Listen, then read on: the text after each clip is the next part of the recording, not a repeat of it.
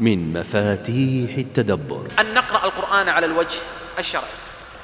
الله جل جلاله يليخ لعظمة كتابه لم يترك لنا حتى أن نجتهد في طريقة القراءة.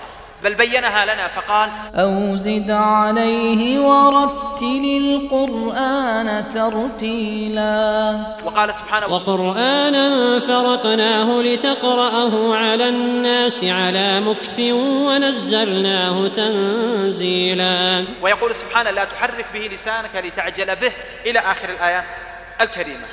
وإذا تأملت في قراءة النبي صلى الله عليه وسلم وجدت أنه كان مطبقا لذلك عمليا. يقول أنس كما في البخاري كانت قراءة النبي صلى الله عليه وسلم مدا بسم الله الرحمن الرحيم. يمد بها صوته حتى قال يمد الرحمن ويمد الرحيم.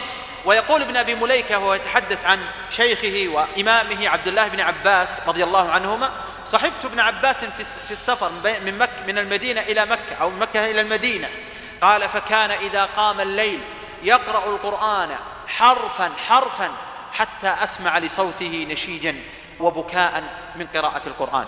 ويصف أحد أصحاب الفضيل بن عياض قراءته فيقول كانت قراءته اسمع لجمال الوصف كانت قراءته بطيئة شهية حزينة كأنما يخاطب إنسان.